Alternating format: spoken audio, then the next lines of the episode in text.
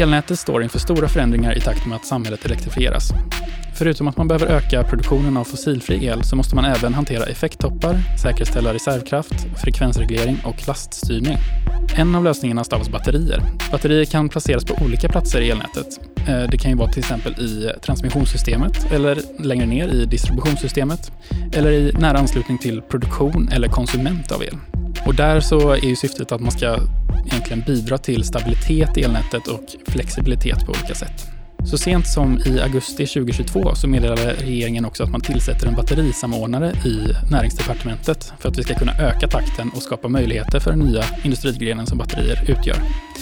Batteriindustrin förväntas växa och ge tiotusentals nya jobb och samtidigt positionera just Sverige som en ledare inom området. Och det är onekligen ett hett ämne inom både näringsliv, politik och akademi. Och därför så ska vi i dagens avsnitt djupdyka i tekniken eh, och dess eh, utmaningar och fördelar med en riktig expert. Kraftsamtal, podden som ger dig kunskap och inblick i tekniken som behövs för att möta en av vår tids största utmaningar, den gröna energiomställningen.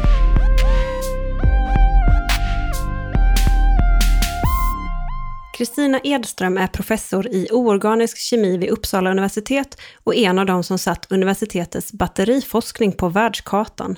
Hon är forskningsledare för Ångström Advanced Battery Center som är Nordens största batterigrupp och hennes forskningsprojekt kammar årligen hem forskningsanslag i mångmiljonklassen. Kristina brinner för att vägleda unga, lovande forskare och på fritiden konsumerar hon gärna konst och kultur. Dessutom är hon en fena på handarbeten och stickar både vantar och handledsvärmare. Varmt välkommen till Kraftsamtal Kristina, kul att ha dig här. Tack så mycket, det ska bli ett spännande samtal. Det tycker vi också. Jättekul. Mm. Mm. Ska vi börja med att från början egentligen Kristina och du berättar lite om hur ett batteri fungerar? Ett batteri är ju ett sätt att lagra energi i kemiska reaktioner. Så vad man gör helt enkelt är att man skapar en, en så kallad battericell där man har en negativ pol och en positiv pol. Och när det används så ska liksom det strömma laddningar eh, från det här batteriet där den här kemiska energin används för att skapa elektrisk energi så att man kan använda det i till exempel nätet eller i en bil eller i en telefon. Och när det inte används ska det ju inte ske någon kemisk reaktion alls. Men då när du behöver ladda det då för du tillbaka elek via elektricitet då att omvandla den här kemiska energin tillbaka så du kan använda det igen som en, en lagringsfunktion. Och en styrka hos batteriet är att det har en väldigt hög verkningsgrad. Det vill säga du kan du tappar inte särskilt mycket energi när du för in den från elnätet in i batteriet när du laddar den eller när du tar ut den. Och att du kan bygga, göra dem väldigt små. Du kan göra dem väldigt stora. Så du kan använda dem allt från pacemaker som ju faktiskt är en svensk uppfinning till det som ska, vi ska prata om här då, alltså att man kan stabilisera nätet och hjälpa till med någon sorts kvalitet i, i nätet och hantera förnybar energi. Som ju, Just det blåser ju inte jämt, det vet vi ju. Ja, men tack. Ehm, det ger oss en, en bra grundbild av vad egentligen ett batteri är och, och vad det har för syfte. Eh, men hur ser du på utmaningar? Du som ändå forskar på, på området. Vad är det egentligen för utmaningar man försöker lösa när det gäller batterier?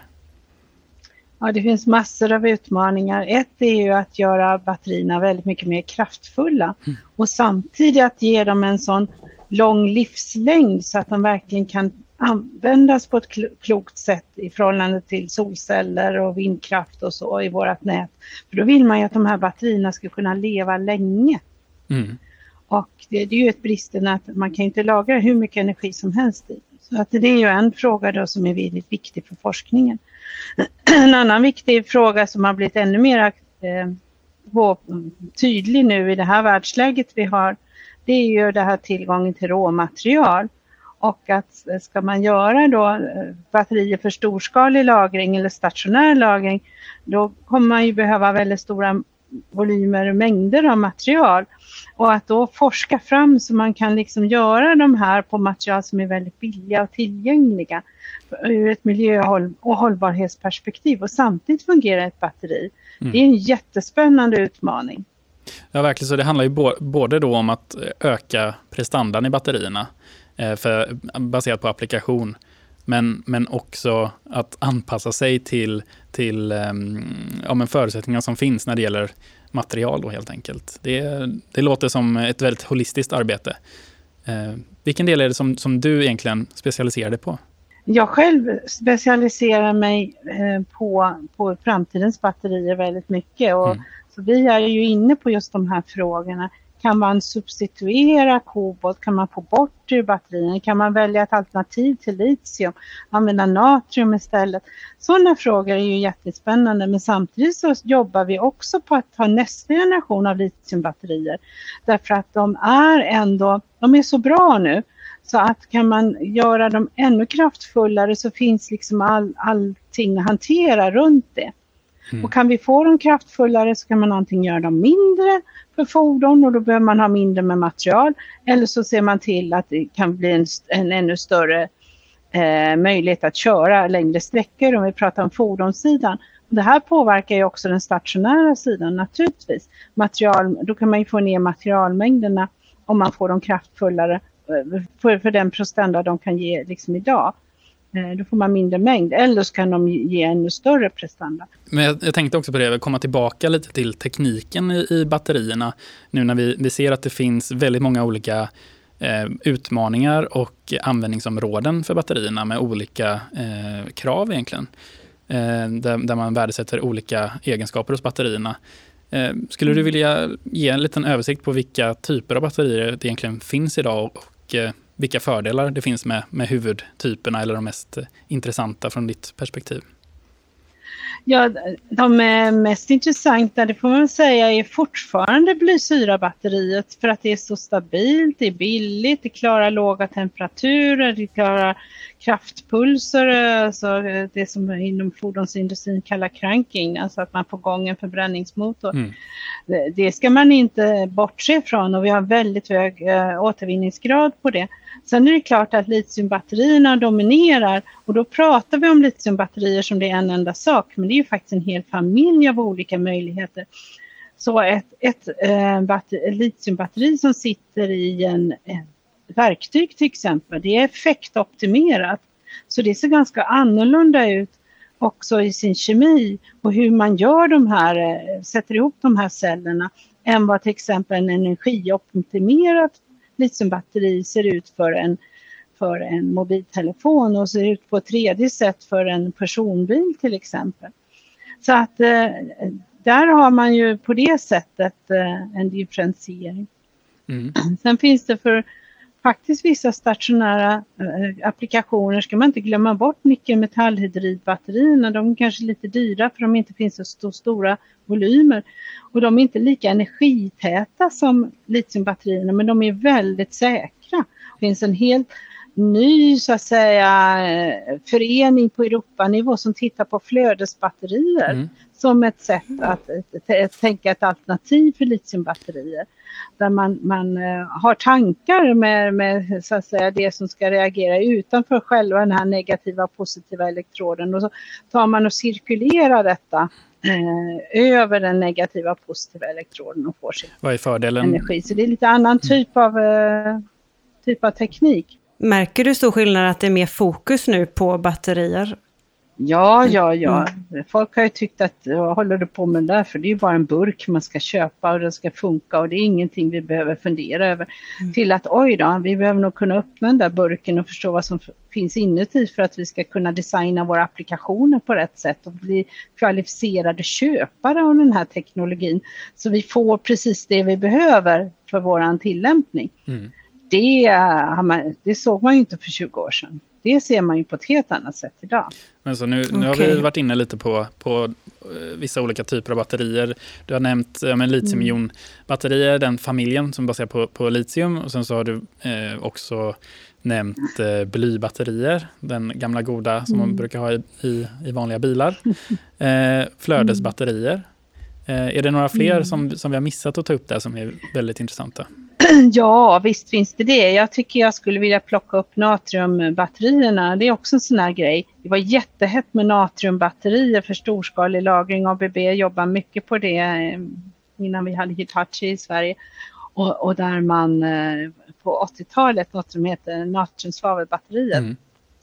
och som dog då. Och nu har man liksom sett att ja, men vi har lärt oss så mycket från litium så vi kan använda de här natriumbatterierna vid rumstemperatur och då plötsligt får vi upp batterier som kanske inte blir lik, riktigt lika energivassa i en lagringsförmåga som litiumbatterierna men tillräckligt för att verkligen bli intressanta just för den här stationära lagringen. Mm. Så här har vi ju kinesiska företag som säger att de ska börja massproducera det och vi har SME också i Sverige och i Europa som i startgroparna att vilja expandera sin verksamhet och har, har patent och så inom det här området. Det har faktiskt jag också stött, stött på ett par SME som håller på med. Mm. Ehm, det är väldigt intressant.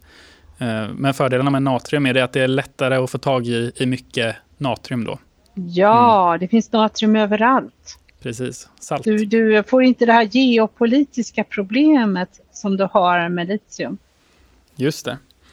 Eh, mm. Men hur har, hur har utvecklingen sett ut över tid nu? För jag kommer ju ihåg själv eh, hur det har exploderat med, eh, med ja, explodera kanske är ett dumt ord att använda i litiumbatterisammanhang, men, men, men hur utvecklingen har gått framåt eh, med, med smarta telefoner och laptops och, och sen nu till och med bilar och, och e-mobility-lösningar som, som sparkcyklar och liknande. Då.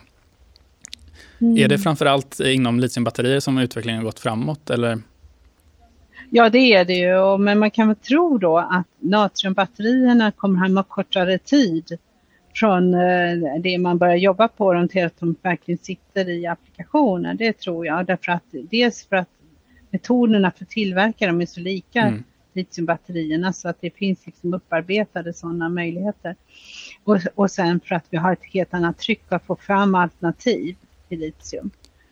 Sen ska man inte, du frågar mig också om, om det var ytterligare batterikemi som vi har glömt bort mm. och då tror jag vi måste nämna det som kallas så fint på svenska för solid state. Mm, just det. Fast, om jag säger mm. fastfasbatterier så vet jag inte om någon fattar vad det är men solid state tror jag alla har hört talas mm. om. Och det är ju egentligen litiumbatterier också fast man har en, istället för en vätska som man har mellan den negativa och positiva elektroden som har ett fast ämne. Och det är ju en sån där hålig grej, för får man till det ökar man energimängden. Så man kan fördubbla energimängden som man kan lagra. Mm. Och eh, förhoppningsvis ska det bli säkrare då för man inte har de här vätskorna som, som är organiska lösningsmedel och kan bidra till saker. Men om vi skulle komma in lite på, eh, vi har varit inne på det lite, men tillverkningen av batterier. Vad bör mm. man ha i åtanke där? Jag tänker kring, du pratar om att ni kollar på eh, nya material för att eh, vi behöver mängder av material nu till de här batterierna. Och de miljömässiga perspektiven och, och leveranssäkerhet idag också. Liksom vad, kan du utveckla det lite? Vad, hur ser ni på det? Ja, vi ser ju om, som att eh, det är faktiskt ett, uh, ur ett, om man tittar, jag är ju en sån som håller på med långsiktig forskning och jag tror att det finns faktiskt en hel del frågor som har av långsiktig karaktär som man måste adressera när det gäller tillverkning också. Vad vi ser här i Norden det är att vi har ju väldiga fördelar för vi kan bidra med en tillverkning av battericeller som baseras på förnybar energi. Vilket inte görs nere i Europa när det går på kolkraft till exempel. Så, så det, är en sån där springande punkt. Sen en sak som man inte pratar så mycket om det är tillgången till vatten när man ska tillverka sådana här saker som också behövs.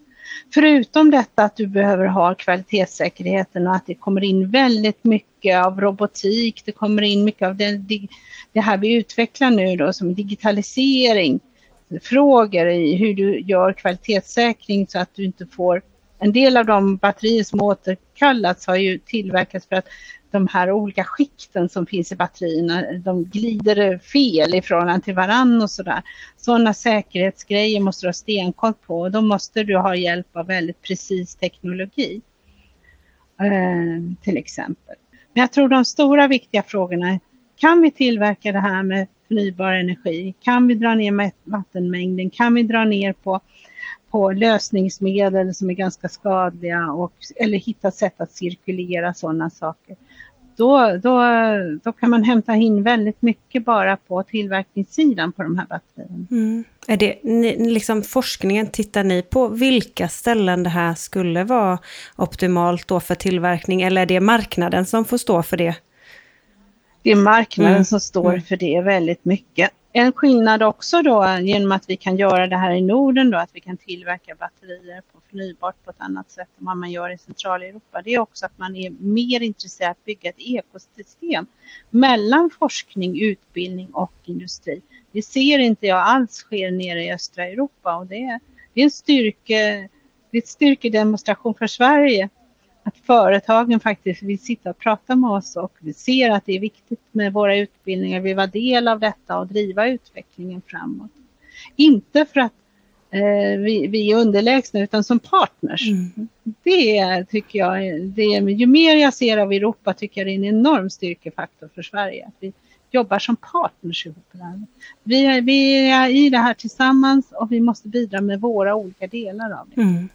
Det är kul att du säger det, för det känns som en röd tråd här i kraftsamtal, att väldigt många eh, som är med i podden säger att det är så oerhört viktigt att vi partner och har samarbete, för att det, vi står i en sån himla stor energiomställning, att det inte är en aktör som sitter på facit för, för allt, utan att vi måste samarbeta hitta lösningar. Mm. mm. Mm.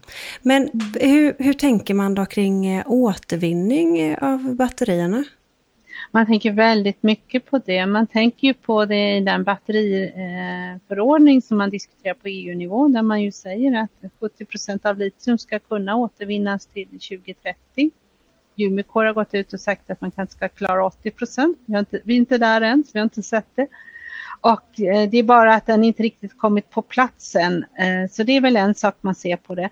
Sen ser man ju att eh, eh flera aktörer bygger upp det kopplat till sin, till sin produktion av battericeller. Att man tar in eh, det här med återvinning kopplat där. Eh, jag tycker det är väldigt intressant att se också hur, det ska bli spännande att se hur fordonsindustrin kommer göra där när de börjar få större volymer. Vi har ju inte så jättestora volymer än för att eh, de volymerna börjar ju, de som kommer kommer ju komma från elbilarna. Och det är ju framförallt Norden som har elbilar om någon större volym och vi är ju inte så många ändå. Mm. så att eh, Eh, det ska bli spännande att se om, om fordonsindustrin tycker att det är så värdefullt som man inte lämnar det här till någonting som kallas second life eller inte. Mm. mm. Eller om man bara bidrar med det man kallar vehicle to grid. Där har man ju projekt, alltså att man ska kunna använda batterierna i elnätet och vara med och, från fordonen eftersom de flesta fordon står ju still mm. så väldigt länge. Ja, det är ju en mm. väldigt mm. vacker saker. distribuerad eh, vision kan man säga. Eh, och att öka användningsgraden av det som, som vi redan har då. Eh, helt klart. Mm. Vi ska väl säga det att litiumbatterier återvinns ju idag. Kobolt återvinns, koppar återvinns, nickel återvinns. Det är inte så att vi börjar från scratch, men det görs i Europa. Ja, mm. okay. Sen så när man, om man tittar på pengasidan så är det väldigt viktigt med return on investment, både när man ska investera i ett batterilager men, men också när man Eh, i, i forskningen och satsningar från, från bolag eh, när man, man vill räkna på vad, vad får vi pang för pengarna helt enkelt. Men hur är det egentligen om man tittar på mm. miljösidan när det kommer till batterier? Det finns ju ett uttryck eller ett, ett begrepp som är return on environmental investment till exempel. Eh, är det miljövänligt mm. som det är idag? Alltså alla sådana här livscykelanalyser där man jämför fordon. Alltså det, är ju, det, det är ju där man ligger före i, i just jämförelse. Titta på ett fordon som samma typ av fordon för en, en dieseldriven eller en bensindriven bil jämfört med elfordon så menar man ju att, att då, då halveras ju eh, koldioxidutsläppen på, för ett elfordon. Eh, och, det är ju naturligtvis räknat på hur du får ditt bränsle till din fordon, om det är kolkraft som ger dig din el eller om det är förnybart och sådär. Eh, men även när man har en mix som innehåller ganska mycket kolkraft så vinner elfordonet eh, i förhållande till bensin och dieselmotorn. Mm. Därmed inte sagt att det är tillräckligt. Utan här måste man väl titta, på, titta ännu mer på just att man får tillbaka mer i återvinningen av batterier än vad man gör idag då när man bara får nickel, kobolt och, och koppar. Så här finns det också utmaningar att utveckla eh, miljöfrågan också. Och det här har ju också med att göra med det som jag tycker är otroligt intressant eftersom jag intresserar mig för karaktärisering av material i batterier. Det är, kan vi öka livslängden i batteriet? Mm. Håller batteriet 15 år istället för 10 år? Ja, men då, då, då, då minskar man ju avtrycken bara genom mm. det. Eh, mm. Så det är ju sådana frågor också som man måste lösa. Mm. Det är superspännande. Jag tror att det börjar bli dags för oss att också ringa upp vår, vår gäst som, eh, som heter Joel Dahlberg och jobbar hos oss på Hitachi. Joel Dahlberg jobbar hos oss på Hitachi Energy och är affärsutvecklare inom affärsområdet Grid Automation, där energilager och dess batterier är en viktig beståndsdel. Han har tidigare jobbat med både anbud, marknad och projektledning. På fritiden hittar ni honom i fjällen med familjen, antingen på skidor utför eller på snöskoter ut i fjällvärlden. Välkommen till Kraftsamtal Joel! Tack så mycket! Jättekul att ha dig med! Ja, verkligen. Om vi går till, mm. till energisystemet som, som stort. Vilken roll ser du egentligen att batterierna kommer få i framtiden i energisystemet? Eh, ja, nej, vi, vi ser ett rätt så högt tryck just nu på eh, intresse ska jag säga för energilager. Eh, mm. Både från eh, om man säger de större aktörerna och även mindre industrier där vi får frågeställningar direkt till oss. Eh, så att eh, vi ser ju till exempel en applicering av de här nya energikällorna via solceller, vindparker. Eh, man planerar att bygga rätt så stora parker framöver mm. med en så kallad oplanerbar produktion. Mm. Där man är väldigt beroende av yttre faktorer såsom väder och vind. Eh, och man jobbar ju rätt så hårt med att kunna planera sin produktion med prognosverktyg eh, för att kunna planera vad man släpper in på nätet. Då. Eh, sen vet ju vi att även om vi har sett en prognos om att det kommer blåsa imorgon eller om det kommer vara sol eller så, så blir det kanske inte alltid sanningen på just den platsen man befinner sig. Då. Och då kan ju bland annat vara ett energilager vara en, en bra eh, som hjälper till att jämna ut produktionen. Så att man kan använda den som både ge och ta om man säger. Mm. Är det framförallt för, för lagring eller är det för också, för, för man hör ju mycket om stödtjänster också som batterierna kan bidra med? Ja, eh, stödtjänster är ju absolut en del. Eh, det är, finns en enorm marknad där och det är många som är intresserade av men kanske inte traditionellt våra kunder utan det är investerare som ser en möjlighet att jobba på den här marknaden. Och, och så att eh, om man säger ett energilager ska man ju försöka maximera och använda så mycket det bara går till olika typer av tjänster. Om det är innanför mätaren hos en kund eller om det är, eh, sitter någonstans i nätet för att stötta för pikar eller vad det nu är. Så eh, det finns många olika tjänster man kan använda över ja, ett, ett dygn eller om det är planerat längre. Så man kan säga att det, det, intresset är stort och eh, det är både hos traditionella spelare men också massa nya spelare som ser en möjlighet att tjäna pengar på, på de här tjänsterna. Och som kanske Absolut, rör sig snabbt. Så. Mm. Ja, men det, det är ju väldigt intressant. Ser du att, att det är just batterier som kommer få en väldigt stor del i, i, i de här förändringarna? Eller hur ser det ut där? Eh, ja, industrierna till exempel, de, eh, de börjar ju se om sitt eget hus här och eh, man kan ju man har ju på sig att göra en, en transformering över mot en grönare produktion till exempel och ställer krav på att man har andra typer av maskiner. Det kanske går mer på elen, man använder andra typer av uppvärmning om det är den industrin. Mm. Då kan det vara just batterier som är fördel att Eh, ta hand om de här effektbehoven som kommer behövas. Och man kanske har begränsningar i sitt nät, vi kan inte ha den effekten hos dig. Eh, man har kanske begränsningar just eh, hos nätägaren eller om det är hos ja, annat som spelar in. Då. Ska man bygga för att ha effekten över hela dygnet eller räcker det för att ta hand om vissa pikar över dygnet? Mm. Och hur, hur, påverkar det egentligen ett... Eh, alltså om man sätter in ett batteri i sitt nät, hur påverkar det nätet? Och finns det någon, något speciellt man behöver tänka på?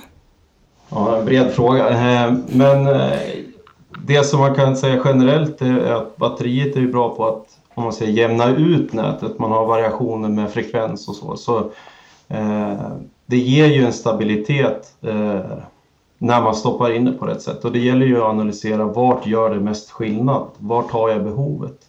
Det kanske inte är över hela dygnet som det är ett behov.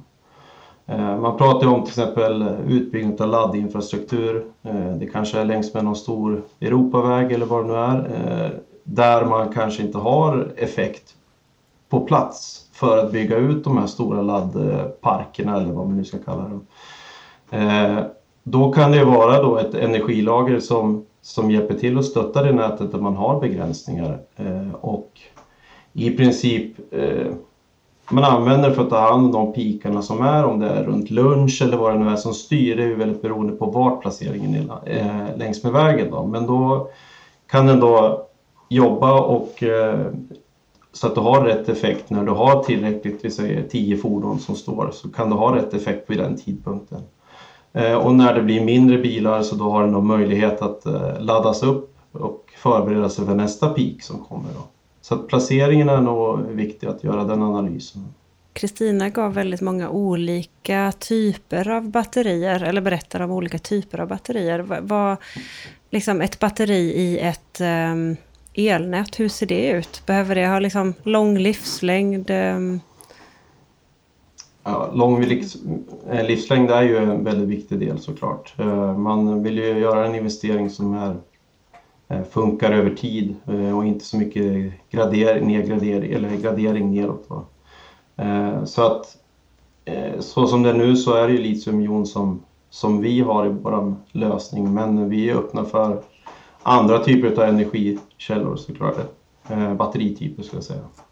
Mm. Eh, nej men det, det känns ju som att Eh, Eh, vi har fått en, eh, ett bra input från, eh, från industrisidan nu också. Joel, är det någonting mer som du, som du känner att som du, du tycker är spännande inför framtiden här nu på, på elmarknaden när det gäller batterier?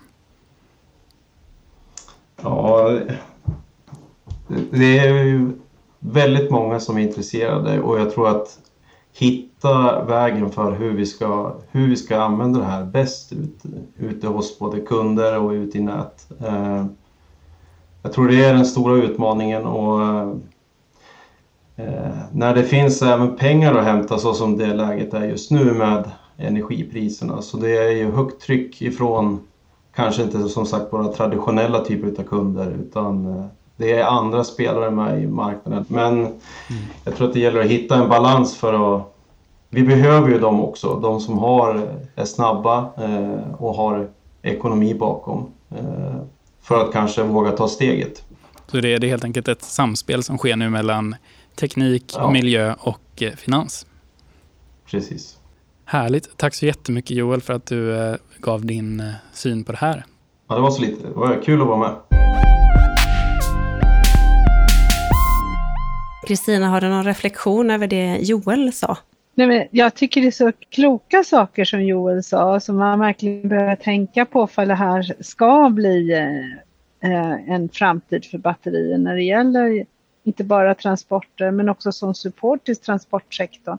För vi behöver göra den här omställningen både av ekonomiska skäl som vi ser nu men också naturligtvis eh, klimatfrågan och då då behöver man att företag är så kloka och tänker igenom de här olika stegen, vad det är vi behöver göra. Och vilka samhällsutmaningar vi har som man kanske inte heller som företag kan lösa ensamt. Det tycker jag Joel pekade på. Alltså det här handlar om samhällsplanering, smarta städer. Det, det, är många frågor som kommer in här. Alltså det här hur gör man längs motorvägar? Eh, hur gör man med de eh, tåglinjer som finns som går på diesel idag och de kommer in på en station och de kanske behöver ett lager där för att det inte ska pysa ut avgaser när man är liksom bland folk. Det är massa sådana där frågor som man måste ta tag i och det är väldigt skönt för mig som forskare att höra att det är företag som tänker på de här sakerna. Mm. Och kan vara med och påverka det. Ja men vad bra. Det, det känns som att vi det är som att det finns väldigt mycket att samarbeta eh, med här egentligen från, från alla olika sidor. Eh, och ehm, om vi tittar, om vi vänder blicken tillbaka lite till forskningen som du sysslar med, Kristina. Eh, vad är det egentligen som är huvudforskningen som, som ni tittar på just nu tillsammans med ditt team? I vårt team så tittar vi på den långsiktiga, alltså vad kan komma efter litiumbatterier eller kan vi göra litiumbatterier mycket mer stabila, säkrare, långlivade? Sådana frågor. Och vad är det som händer när de här eh, kemierna eh, liksom pågår i de här battericellerna. Jag sa inledningsvis att ett batteri ska ju inte ha några kemiska reaktioner när man, när man låter det stå, när det inte används. Men det finns ju alltid små krypströmmar som kan, kan luras och göra att batterier åldras och att de degraderar även om man inte använder dem. Sådana saker är jag extremt intresserad av att försöka hitta lösningar för i min forskning.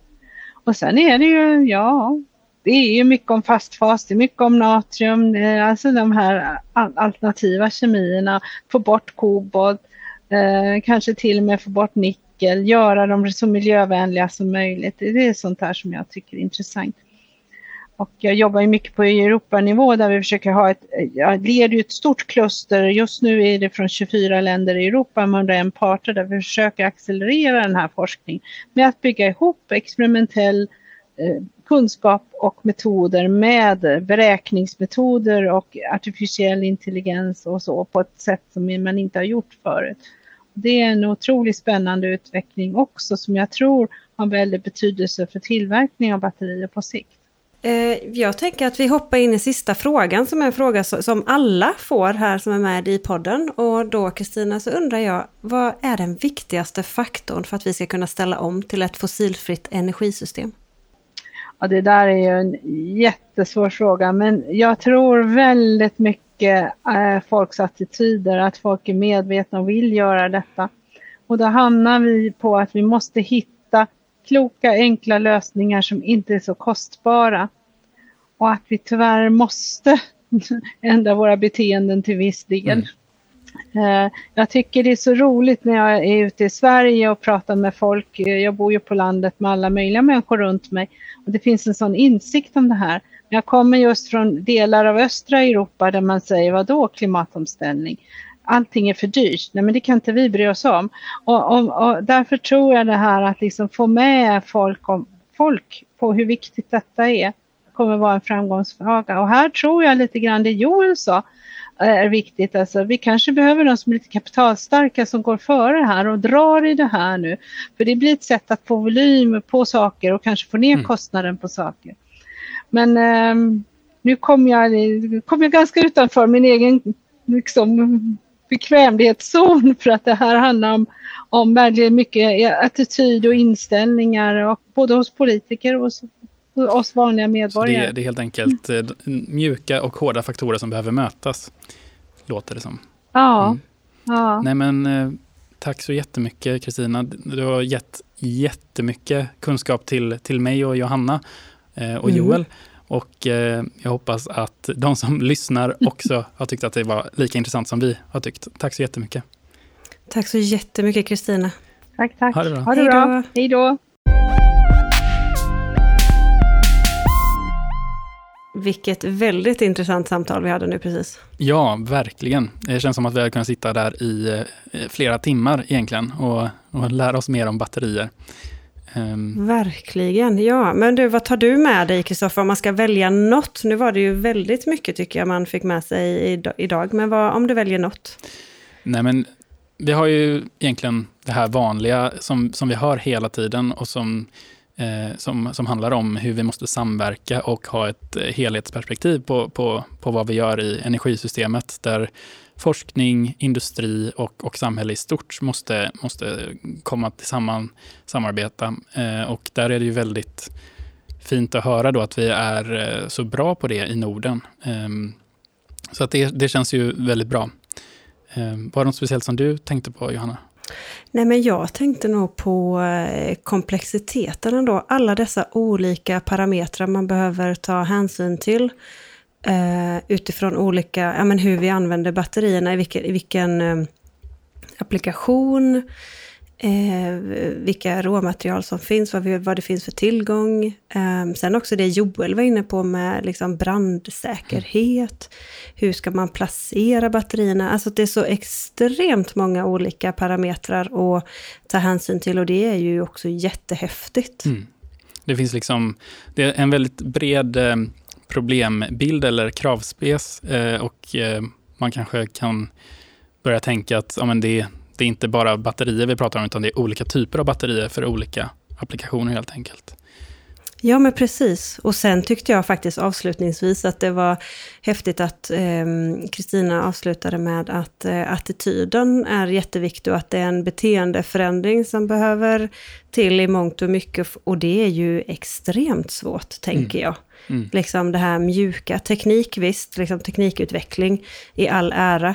Men eh, attityder och beteenden är ju, ja, det, jag vet inte, jag har inget svar på det, men det är spännande att hon lyfter det. Ja, nej, men jag håller helt med och eh, ja, men, men det känns ändå positivt. Jag går härifrån med en väldigt positiv känsla. Jag tror att vi är på väg åt rätt håll och att på både det mjuka och det hårda. Så att, eh, Absolut, samma här. Härligt. Tack så hemskt mycket för att ni har lyssnat idag. Tack så jättemycket.